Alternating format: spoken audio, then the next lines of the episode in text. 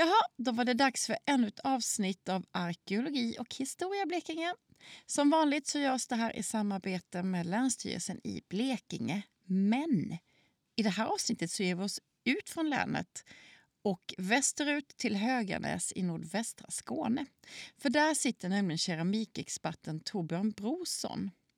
Jag kan säga så här att detta här är lite av ett hemma hos-reportage. Ni hänger liksom bara med helt enkelt. Eh, det är, kommer låta och ljuda och kanske ni inte alltid förstår allting. Eh, det jag ska försöka göra, jag försöker lägga ut så mycket bilder jag kan på Instagram. Och det är faktiskt så här att eh, det är en hemsida på gång. Eh, jag ska försöka få ihop någonting. Eh, det har börjat, finns en liten form än så länge. Men eh, som sagt tanken är att i framtiden så kommer ni få kunna se mycket, mycket mer bilder och kanske också eh, filmer eh, från de här avsnitten. Men än så länge och, och ett tag framöver måste jag säga så får ni nog eh, nöja er med förvirring och Instagram. Hur som helst, vi eh, ska då träffa Torbjörn som har jobbat med keramik i över 25 år. Han har doktorerat i Tyskland, han har jobbat på Lunds universitet. Men sedan ungefär 15 år tillbaka så har han drivit egen firma, KKS, Kontoret för keramiska studier. Och vi besöker då hemma hos honom. Vi, det är ju så här va, att han får uppdrag från hela eh, norra Europa, eh, liksom Blekinge. Så vi börjar med att gå in och rota och botanisera lite i en massa keramikfynd. Och och framförallt sånt som gjordes under hösten på E22-angrävningarna. Vi tar med detta ut i trädgården där vi tittar vidare. Så häng med!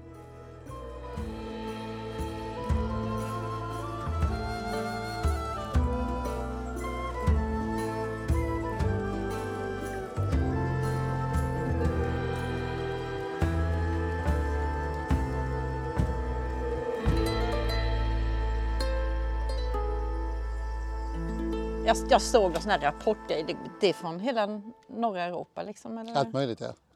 Eh, senast var det fajansskärvor från Versailles och Fort de France i Martinique till eh, skärvor från Ale till, eh, oh. till Lösen, Jämjö. Jag gör ju vissa mikroskoperingar. Så jag har polarisationsmikroskop och stereomikroskop och det är ja, mycket för att bestämma vad det är för typ av lera och sånt man har gjort mm. keramiken av. Wow! Ja. Ska vi, vi får gå upp där upp. Ah. Åh oh, jäklar. Mm. Här är ju väldigt, där sitter jag och skriver. Och fönstren ut där brukar ibland gå rådjur och annat så. Det är, mm. Man trivs med den här miljön. Wow. Men sen då om man... Eh, här, här inne har jag... Jag har ju fått städa undan nu eftersom man ska gå igång och lite annat med huset här. Så jag fått sätta material lite samlat så här. Eh, detta är ju inte de, om du ser till exempel om jag har några analyser från, eh, jag gjorde något från Skottland nyligen. Mm. Eh, då är det bara tio skärvor, så de har jag tillbaka direkt. Mm. Så ibland kan jag bara få en eller två keramikskärvor mm. och ibland kan jag få liksom backvis, alltså 25 kilo. Som jag behöver gå igenom. Mm. Så det handlar ju väldigt mycket om att... Eh, wow, det handlar ju extremt mycket om att katalogisera. Du vet, eh, man tittar, man, man tar keramiken och tittar på formerna, vad det är för kvalitet på godset, mm. vad det är för lera, mm. någonting man har magrat. Här fallet en väldigt inåtböjt kärl, lite tunnformat. Det är väldigt vanligt under vikingatid, 7 8 900-tal. Tar vikten på skärvorna, räknar dem, för in i datorn. Det är väldigt mycket katalogisera, lägga det i askar och sätta på lite lappar. Just det. Det, det är faktiskt en stor del. Så, men så när, man, när, man, när du får, låt säga från en utgrävning. Ja, då kan jag få det så här. Ja, liksom, I, i, i påsar. Ja, då börjar du titta igenom det. Ja, då tar jag en påse i taget. Och är det då till exempel om det är 14-1500-tal, mm. ja, då sorterar jag det som ett lergods från mm. stengods mm. eller från eventuellt fajans om det skulle vara så tidigt så. Och sen så ska jag lägga dem i varsin ask. Jag ska väga dem, jag ska räkna dem och beskriva och också tolka varifrån de kommer. Mm. Datering och varifrån krukan kommer. Och ibland kan det vara intressant att se vad det är för typ av funktion. Om det är en kruka som är för, till förvaring eller om det är en skål som är mer för att sätta fram på bordet. Allting... Kan du se skillnad på, på en, om du får en liten skärva? Kan du, alltså...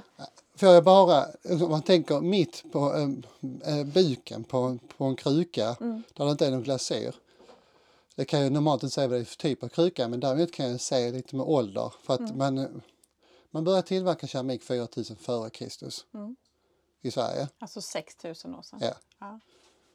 Och under de 6000 år man har gjort keramik så har det gått väldigt mycket mode. Det har, man har haft olika typer av dekorer, vågband, intryck, fingerintryck eller zigzagmönster, allt möjligt vad man nu har hittat på under alla tid man har ornerat och sen har man börjat klassera. Men är den ändå en oornerad skärva, ingen glasyr, så brukar man ändå kunna se lite på hårdheten. För att ibland är det lite hårdare under vissa perioder, lite mjukare under vissa perioder. Så, så har, man, har man lite det, det ligger väldigt mycket i fingrarna så att säga. Men är det, beror det inte också på var? Om det är olika slags lera eller så? Här, ja, det är rätt så likartat. Faktiskt är det. För om du säger att den är liksom lite, lite mjukare eller tjockare under en period och lite hårdare. Har de bränt ja. den olika? Ja, man har bränt det, olika det, hårt. Okej. Okay, ja. okay. mm. Lite olika bränningsmetoder och hur pass duktiga man har varit på att bränna det. Men mm. i grunden är det samma lera. Mm. Men sen är vissa, du måste, du måste då, vissa perioder, du, du måste blanda i du måste blanda i någon form av magring i leran för annars spricker den i upphettningen. Oh, ja, ja. Det, är därför, det. det är därför mm. man ser att man tar, man tar, man tar en granit till exempel och så mm. krossar man den och så tar man lite och blandar i. Under vissa perioder så finns det korn på upp till 7 millimeter och sådär. Det är jättestort. Det är jättestort, ja. Och det, det var lite, du hade någon, någonting här? Eller, ja, inte riktigt så. Men, inte så. Nej. Och då, då, är det slutet av stenåldern. Det var väldigt vanligt just då. Mm. Men den andra perioden är det bara 2-3 millimeter så man tittar lite på de här kornen också. Så det, det är liksom eh, oh, en väldig blandning.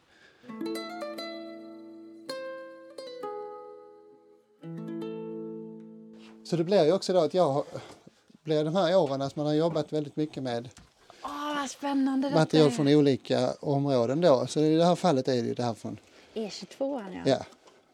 Från, eh, det var ju flertal olika lokaler där. Ja, just det. Det var, en, det var någon där det var nästan ett helt kärl. Ja, det är den där. Ja, det, det precis. Det, det kärlet eh, står, har jag satt på ett bra ställe. Det finns här någonstans. Jo, det jag. Det ja, ja.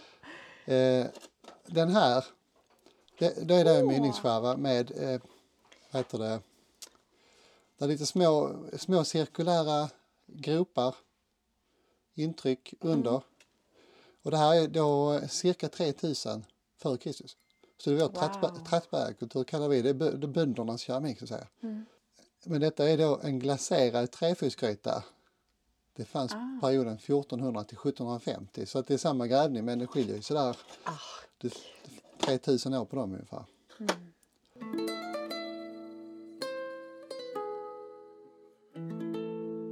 Det vi skulle kunna göra det är att ta med oss den backen där så tittar ja. vi tittar. Och den jag satt ovanför. Den, den, för du, som du ser där så är det lite yngre material. Just det, detta, är det 16, de här 1600-tals, eller vad är detta? Ja, 1600-1700-tal. Mm. Häftigt, ja, vi kan väl bara ta med den? Ja, vi kan ta med denna backen. Ja. Ska jag hålla i något, bära Nej, något? men men det kan finnas så att du ska ta med den som står. Vänta lite också. Detta är eh, den här stora brunnen. De hade... Ja, just det! Den, de hade, det var nedslängt. Ja. Herregud. En stekpanna. Oh. Jag ska bara se vad som fanns i den under. Alltså, alltså just nu har jag registrerat så mycket. Jag har registrerat så mycket. Ja, det går runt i skallen ibland. Gott om Kate Paper. Är det samma ställe? Ja. Och de hade väl en hel, en hel fabrik i Karlskrona? Ja, det är den. Ja, precis. Den har jag också gått igenom. Ja. 1755 eller vad var det? Är det, den, är det den graven? Ja, jag, bruk, vet du vad, jag brukar limma ihop dem. Men ja. det var faktiskt stört omöjligt med denna. Kan oh. du ta ner denna? Mm, det kan jag göra. Är det okej okay att jag bara lägger det ja, löst uppe på så?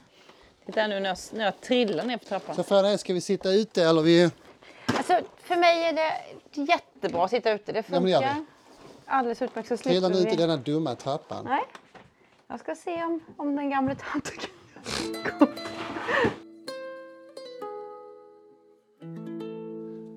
Man kan ju förstå att folk tycker att det här är lite mossigt och lite... Bara försöker få en syl i vädret. Här. Ja då, vi är inte ensamma här. Nej, men att sitta och gå igenom liksom tusentals skärvor kanske och som egentligen inte har de dekoren kan ju uppfattas väldigt tråkigt. Men samtidigt ger ju oerhört mycket information och det, det är ju det vanligaste det är det vanligaste fyndmaterialet från utgrävningar. Ja, ja, Tillsammans ja. med stenmaterial är mm. egentligen vanligare. För att det, och det, det är ju så oerhört lämpligt för att datera så att eh, som jag sa, när jag kommer någonstans vanligast jag, jag får det hur gammalt det är. Mm. För man är väldigt stort behov av det.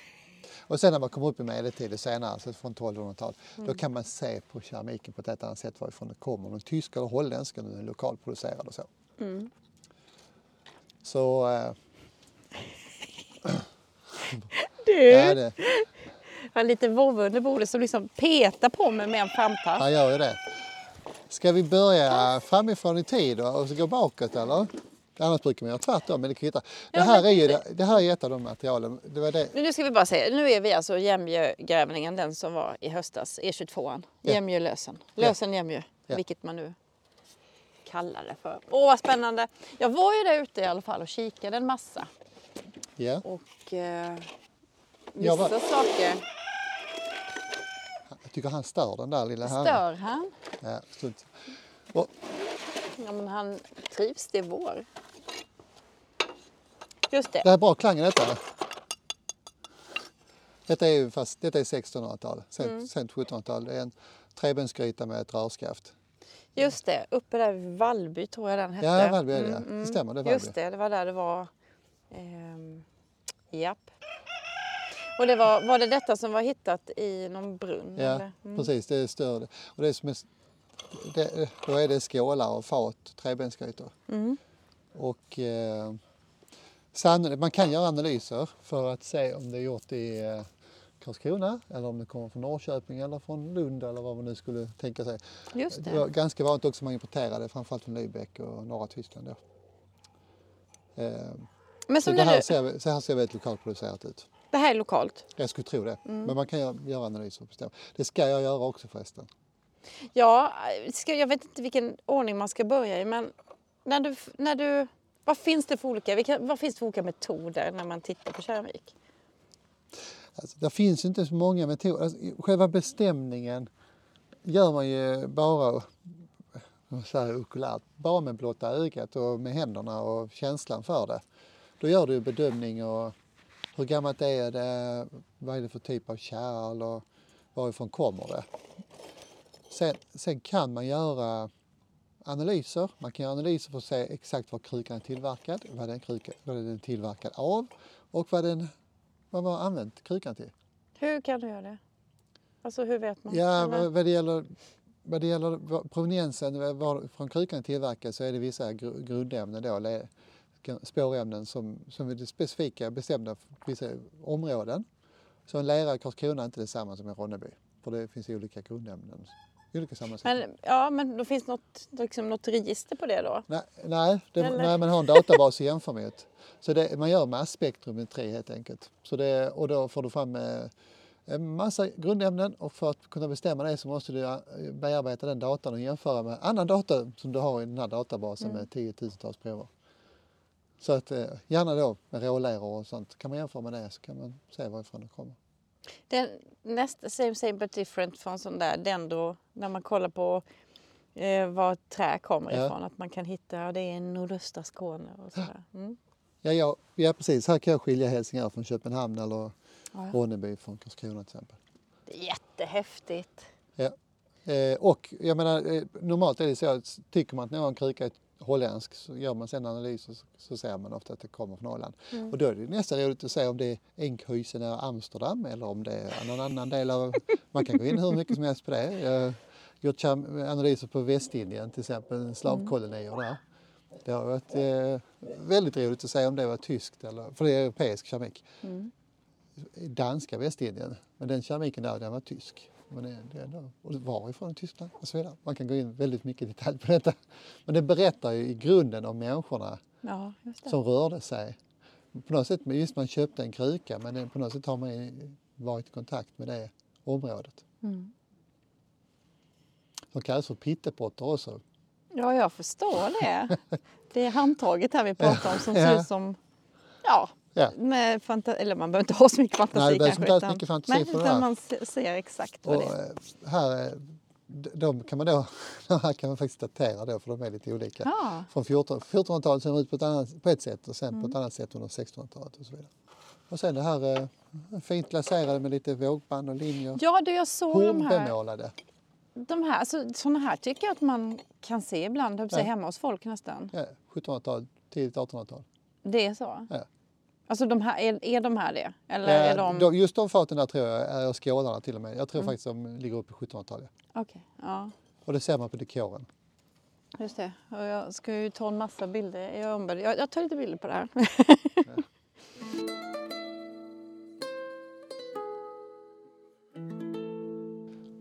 när vi kommer ner stenålder i Blekinge då, är, då, då, då, börjar man med keramiken som jag säger innan 4000 före Kristus och fram till ungefär 2000 Mm. så är det ju ungefär 1800 före Kristus är det stenålder. Mm. Och där, där sker ju förändringar och vi ser ju böndernas keramik, trattbägarnas keramik som kommer söderifrån som ser ut på ett sätt som vi har här med lite små intryck och lite annat. Mm.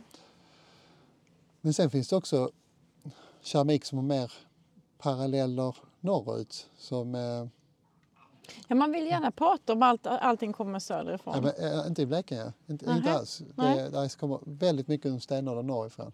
och när du Längs- säger norr, vad ja, men jag, menar menar, du? jag menar egentligen Småland, Smålandskusten upp till Stockholmstrakten kan man säga. Ja. Eh, Någonting som heter gropkeramik, det var säljägare och fiskare och sånt. Mm, och då, eh, deras keramik kommer hela vägen ner till Blekinge. Mm. Och så kommer samtidigt då trattbägarnas från Skåne kan man säga, det är lite förenklat. Ah, ja, ja, Så man ser ja, att de tar upp varandras keramik någonstans efter 500 år så börjar de liksom äh, göra efter varandra. Mm. Liksom. Så det blir, så därför, det är, när man sitter och går igenom det här materialet och försöker bestämma vad om det är det ena eller det andra så, så, kan, det, så kan det stundtals vara väldigt svårt. Vi, vi arkeologer sätter gärna en, en kulturell stämpel på det. Mm. Men eh, här i Blekinge så kan det faktiskt vara lite problematiskt.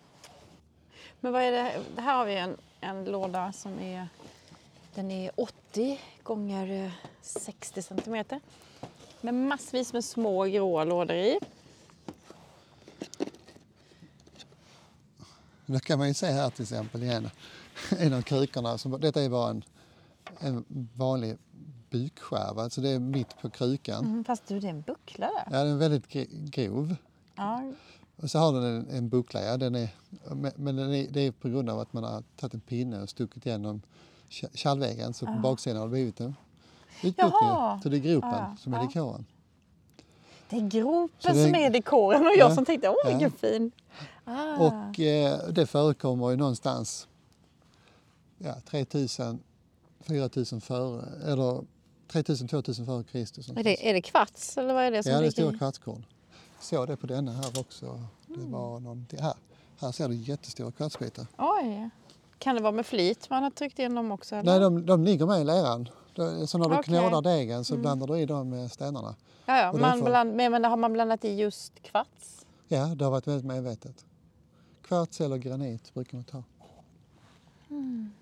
Wow, vad tog du dem nu då? Det är alltid där. Kom de ifrån? Problematiskt. Vi se vad vi har mer här. Alltså var det så här mycket, eller mycket, jag vet inte, kanske inte mycket Jag tror så, det var, men just den här platsen var där fyra sådana här backar. Här, och, vi, och är, är detta, eh, nu ska vi se, det är den stora där eh, kvarnen låg. är det vid kvarnen detta? Den där kvarnlämningen, den övergången där. Mm, mm. Och Så lokalt, detta är vid Ramdala precis? Ja, just precis. Det. Mm, mm. det är det ju. Mm. Ja. Och då, då kan vi också se här, Vinberga, just det. Just det. Ja. ja, Vinberg. Wow, vad mycket fint. De här har ju då vertikala streck. Mm. Så på den, det har varit en trattbägare. Så de, de strecken, den, den har ju liksom suttit, krukan har ju sett ut så och sen går den så. Så den har ju varit precis i den, liksom på skuldran. Det, lite, är det, den är inte så hög då eller? Är det en liten tjockis? Ja, jag någonting ja. Mm. Och då rör vi oss precis i övergången mellan som vi sa, tidig rör oss i cirka 3000 f.Kr. Mm. Eh, och Var detta grop? Nej, Nej, detta är trattbaggar. detta är tratt. Och det som också är väldigt vanligt för trattbaggar är, är att de blandar i krossade fälts, röda fältspatar så godset blir lite rödaktigt. Till skillnad från andra vi såg med kvartsen. Just det. Och det var grop? Det är grop? Nej, den är Nej, faktiskt också, är också trattbaggar. De är faktiskt samtida. Fan, jag är, Men sen jag så- är inte bra på stenålder. Sen kan det dyka upp sånt här ja. Men det är, Ja, det är lite mer- stengods, lite sentida.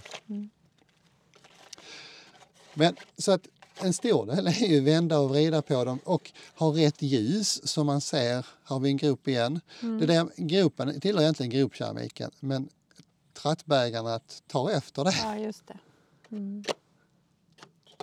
Så det, det är därför man kan, kan inte bara titta på en grop och säga att ja, men det här är gropkeramik. I det är det säkert. Men är det för att det ligger i något gränsland? Om vi hade varit i, i långt det här åt istället hade det varit Nej, mer det, tydligt. det kommer ner här också faktiskt, till Skåne också.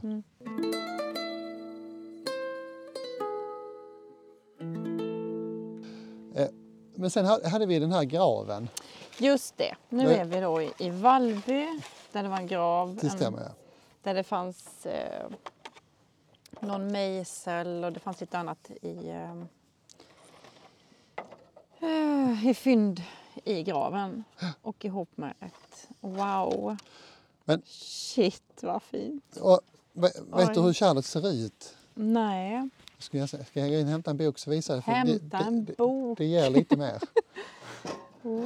det. Har du, eh, alltså det här, Ja, det var så... Det, var så, det det- glänser ju lite. Det ja, jag fick konservera det. Så jag, vi pratar om det alldeles strax. Ja. Åh, nu var det varmt. Ja, det är skönt. Jätteskönt. Vi sitter ute. Nu ska han bara hämta en bok. Så tar vi en bild. Åh.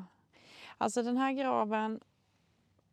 eh, Jag vet inte vilket avsnitt det var. Jag kommer lägga till länk. eh, Eller säga det i slutet av det här avsnittet. Där ni kan höra om de fynden som gjordes då. Och också se bilder hur det såg ut. Där det låg precis var uppgrävt eller synligt. Och hur det ser ut här hos Torbjörn då. Mm. Wow. Så fint.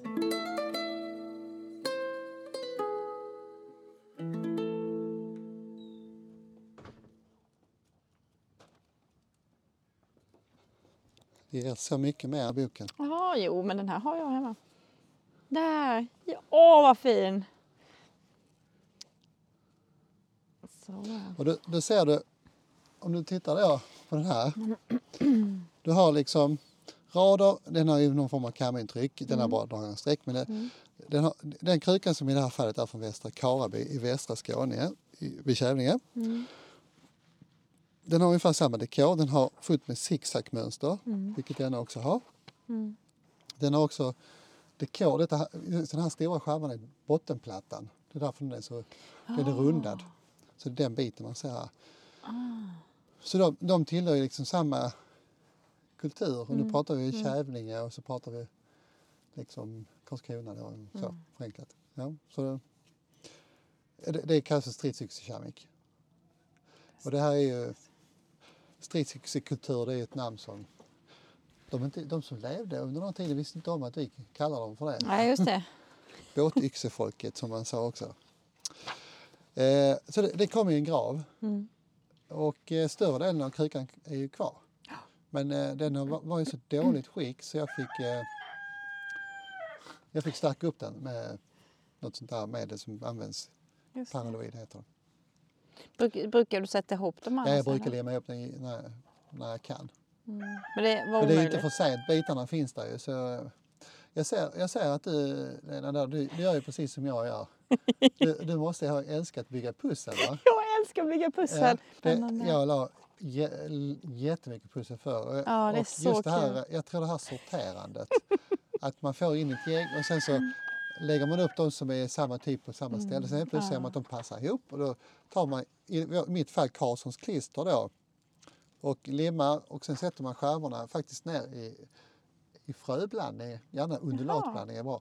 För då, då rör sig inte skärvorna. Så, och, och Aha, var det där? Jag såg någonting här. frökorn, ja. Precis. Där, ja. Det är undulatblandning, deluxe, jag vet inte.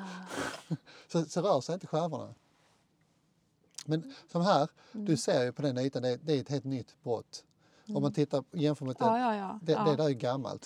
Så den här bör ju ha en kompis här någonstans som också har en ny brottyta. Mm. Men det kan ta en stund att hitta det. Ibland så har det gått sönder lite så att eh, det kan vara ganska svårt att hitta. Men det är lite så Åh. man får det, det är ju ett detektivarbete. Men gud, vilket roligt jobb. ja, det är det. Kan, kan inte jag få bli praktikant? Jag kan inte först... Just när jag får så här, vissa lim, limmar ju inte, det, det gör jag i princip alltid för jag tycker det är så roligt att se kärlet växa fram. Åh. Och sen får man reda på storleken och sådana grejer. Det är också, Men du, när man Viktigt. tittar på en sån här bit som Ja. denna så är den ju väldigt svart på insidan. ja, det är de flesta. Mm. Och eh, rödbrun på utsidan. Ja. Ja, och varför ser det ut så? Det är bränningen. Där, det, där, där elden kommer åt med syre. Så att det blir en syrerik miljö. Mm. Då blir det en oxidation. Då blir det det här rödbruna. Mm. Där elden inte kommer åt utan det är stängt. Man kan säga att den här krukan upp och ner. Det är därför det är fritt från syre på insidan så blir det reduktion och det blir svart. Har de haft den upp och ner? Troligtvis har den varit bränd upp och ner. Men hur gjorde de då? Alltså, jag ska säga, jag har precis varit hos en keramiker Ja. på morgonen här. Ja. En, en nu le- levande. Den här keramikern dog för nu 2000, tid. 4000 år sedan. Just och han har en ugn. Men hur gjorde de? Exakt. då? Ja, alltså man tog en lera och sen magrade den, blandade i krossad bergart som vi sagt. Mm. Eh, och sen så gjorde man ju eh, långa lerkorvar som man, som man sen, ringling kallas det på keramikspråk, där man la de här korvarna ovanpå Mm. Just varandra. det. Mm. Och sen fäste man liksom med uppåt, den ovanför och den nedanför. Mm. Eh, sen lät man det torka ett tag ju, så att det inte skulle liksom, det framförallt det får inte vara fuktigt när du bränner det. Nej, just det. Det såg jag där när jag var hos han. Då, Ja. då låg de... Och sen så sätter du dem, du lägger dem, du, du bygger ett bål ju. Så du sätter liksom, antingen kan du göra det i en grop eller sätter det ovan mark. Mm. Och då sätter du liksom pinnarna över. Och sen så, så ser du till så att det inte, så att det kan stå så, ja, några timmar brukar man väl bränna. Men alltså fick de lägga på, då fick de ju lägga på efterhand då. Ja. Och röra runt lite utan att komma åt krukorna. Och eh, problemet är ju alltså, Problemet är ju då att de här keramikkrukorna är det vanligaste vi har. Men vi hittar aldrig var de är tillverkade. Nej. För, för i och med det var ovan mark och sånt så är alla spåren borta. Det, vi har faktiskt inga spår efter... Men så när man hittar härdar sådär som Ja, ligger, det kan vara. man skulle kunna. Ja. Åh, vad det här var spännande. Så den här krukan stod i, i en, har ju då varit en, en grav cirka 2200 f.Kr. Mm. Eh, man kan se på dekoren lite eh, inom de här, år, de här åren som den här typen av keramik fanns. Mm. Och eh, det jag säga, det, det stod de i, och den, den döde lades ju liksom helt hel i graven, ingen kremeringar och sånt där. Nej, Men man hittar i princip aldrig skeletten idag för de är upplösta. nej, precis. Och de också, just här hade de en förkärlek att lägga den döde i sand. Mm. Och eh, sanden gör ju att det inte bevaras så bra. Så ibland är det enda du hittar av de här gravarna är spåret av graven, liksom själva formen. Mm. Sen hittar du lite flintföremål och några krukor, en till med flera krukor. Men Ja. eh, var den extra, sån här som den här, var den en extra fin? Eller? Jag skulle säga så här, den här keramiken är alltid extra fin. Så att den, den sticker ju alltid ut på det sättet att den är väldigt rikt ornerad och vacker liksom. Och då blir alltid lite extra glad när man hittar den här typen av keramik. Skulle jag säga. Men den ser ju ut som den ska göra om det är så i Östergötland eller här nere eller, Mm. eller till och med i Norge.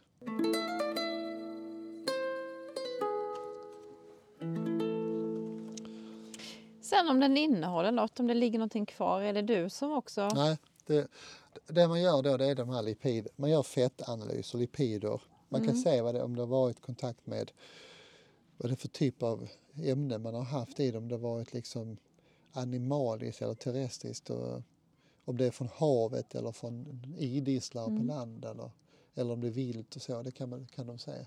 Vilka är de? Ja, alltså det krävs eh, Alltså, ja, universitet är det Mm. i Stockholm. Men har de kikat på det? Eller får de upp? ja, de, de tar en bit av skärvan. Mm. Men har så- de fått de skärvan nu till exempel? Eller nu har Nej. man inte brytt sig om det? Nej, inte än. Jag vet inte hur många, men det, kostar, det är rätt så kostsamt. Det kan kosta upp med Mm. 5 000 kronor att göra en sån analys. Ja. Så det brukar inte vara så många. Men det, det, det steget kommer efter att en sån som du... Ja. Registrering är det liksom efter, efter, Mm. efter grävningen så är det självklart att tvätta föremålen så att man ser vad man ska registrera. Sen är registreringen. Analyser. Men om det då finns grejer inne? Eller du Ja, ser om det ja, då ligger... tvättar man inte på det. Men du skulle- kunna se om det är någonting? Ja, ibland ser man att det spår stått, stått, stått jäst.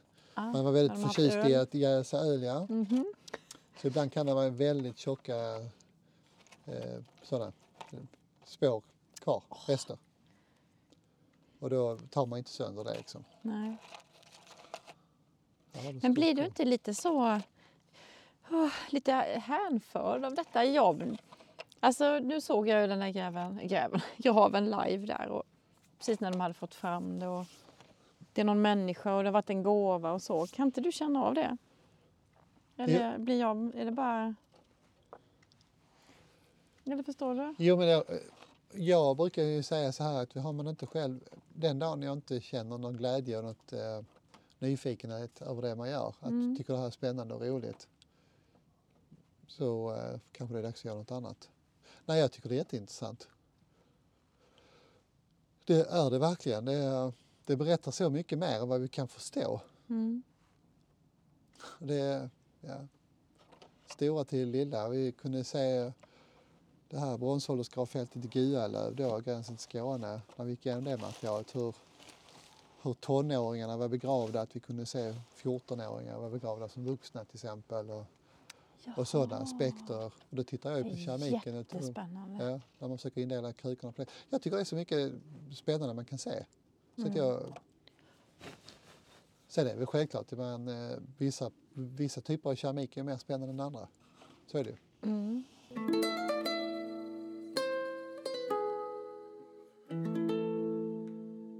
Om man nu eh, är liksom hemma och i sin trädgård och så hittar man någonting som man tror, ja men det här ser ut Ja. som gammal keramik. Vad, vad ska man göra då? Ska man, ringer man museet eller vill någon se det eller är det, är det viktigt liksom?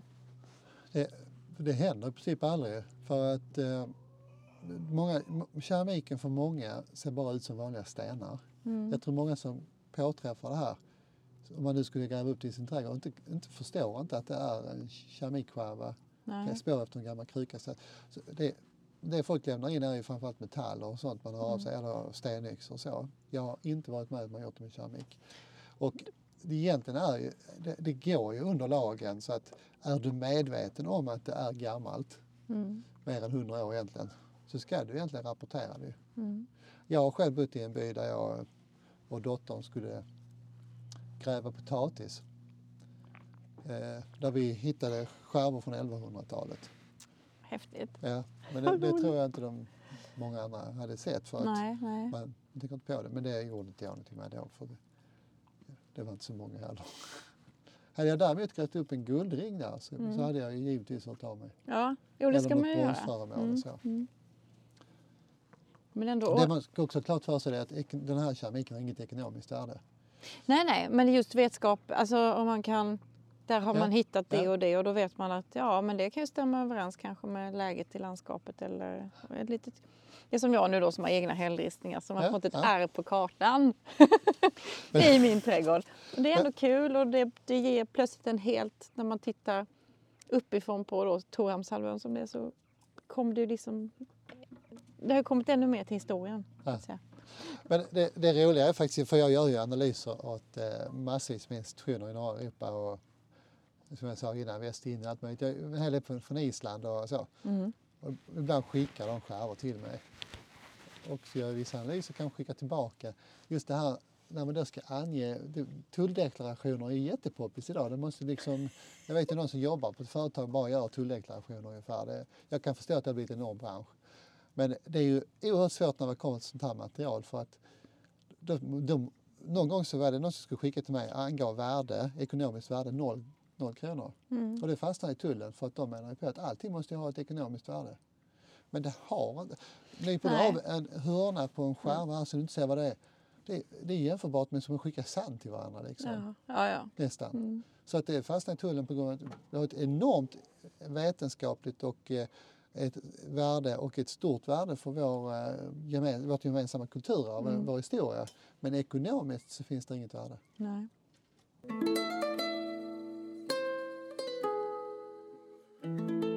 Men bara så kortfattat om man sammanfattar. Om man bara kan veta någonting här, Ja. titta och se på det och ändå liksom kunna datera det. Vad kan man få fram genom att studera keramik? Ja, men som jag sa, den första frågan är åldern. Ålder. Ja, liksom, för att man får tänka sig, om man gräver en grop mitt ute på en åker, liksom, man vet kanske inte så mycket. Det säger, vi har ingen bestämd struktur. Så det är helt klart åldern. Mm. Och sen nästa steg är ju, kan man säga någonting vad det här har blivit använt till eller vad är det för, är det, hur pass vanligt är det här kärlet eller ovanligt? Och sen vidare tycker jag det är intressant att se var det är tillverkat. Mm. För, för är det liksom, är det då transporterat så det kommer liksom 10 mil därifrån, ja men då berättar det ju väldigt mycket om våra kontakter. Mm. Och vi har ju en bild av att man är väldigt fast cementerad på något sätt, att man bor på den platsen man gör, man rör sig lite så. Men det har ju varit jättetäta kontakter. Mm. Och framförallt via havet. Hade du någonting från Ljungaviken? Ja, varit jag har tittat på Ljungaviken men det är inte det gamla. Detta, det jag har tittat på Ljungaviken är bronsålder. Okej. Mm. För Ljungaviken är för tidigt. Det innan. Ja, just det. Just det. Det Mm. fanns ingenting sånt då. Nej. Nej, just det. Jag brukar kalla det för apkulturerna för de är närmare aporna var. Nej. Det är ju bara en liten stund innan. Ja. Ja, det är precis, det är samma människor. Mm. Men det är det innan man börjar göra keramik. Mm. Just det, det fanns inte det. Nej. Nej, det var väl svårt överhuvudtaget. Men göra en kruka, du ska hämta leran så ska den ligga till sig Mm. lite så. så att det kräver någon form av bofasthet. ju. Ja, precis. Mm. Ja, det blir inte så lätt annars ju. Nej. Och just att faktiskt komma fram till det där, att komma på det. Ja, Det är ju bara det. heta upp det, men det håller ganska bra. och Så. Mm. Det, För de har säkert bara börjat först med att försöka göra någonting som har fått torka. ja. Och sen Men av någon visst- tillfällighet så har de värmt upp då och sett att den... Eller vad? ja, men vi ser ju tydligt att den äldsta keramiken gjorde man i Japan Mm. 9000 år sedan. Ja. Och eh, man ser ju tydligt hur det sprids. Alltså, de Ja. äldsta dateringarna sammanfaller med att människor från Kina och Japan liksom rör sig västerut. Mm. Så vi ser ju tydligt att den typen av vår äldsta keramik har ju liksom likheter ner på kontinenten som sen går Mm. österut genom Rumänien och så det, det bältet neråt här. Inte hela vägen ner till Medelhavet utan det går liksom landvägen. Så då tog det, hur många år tog det då? Det var ju fyra, vad sa vi, 4 000 Ja, 3000 år ungefär. att ta sig från Kina till hit. Ja, Mm. Herregud. ja det är stund. Ja. ja, de hade inte Instagram på den tiden. alltså. Ja, det.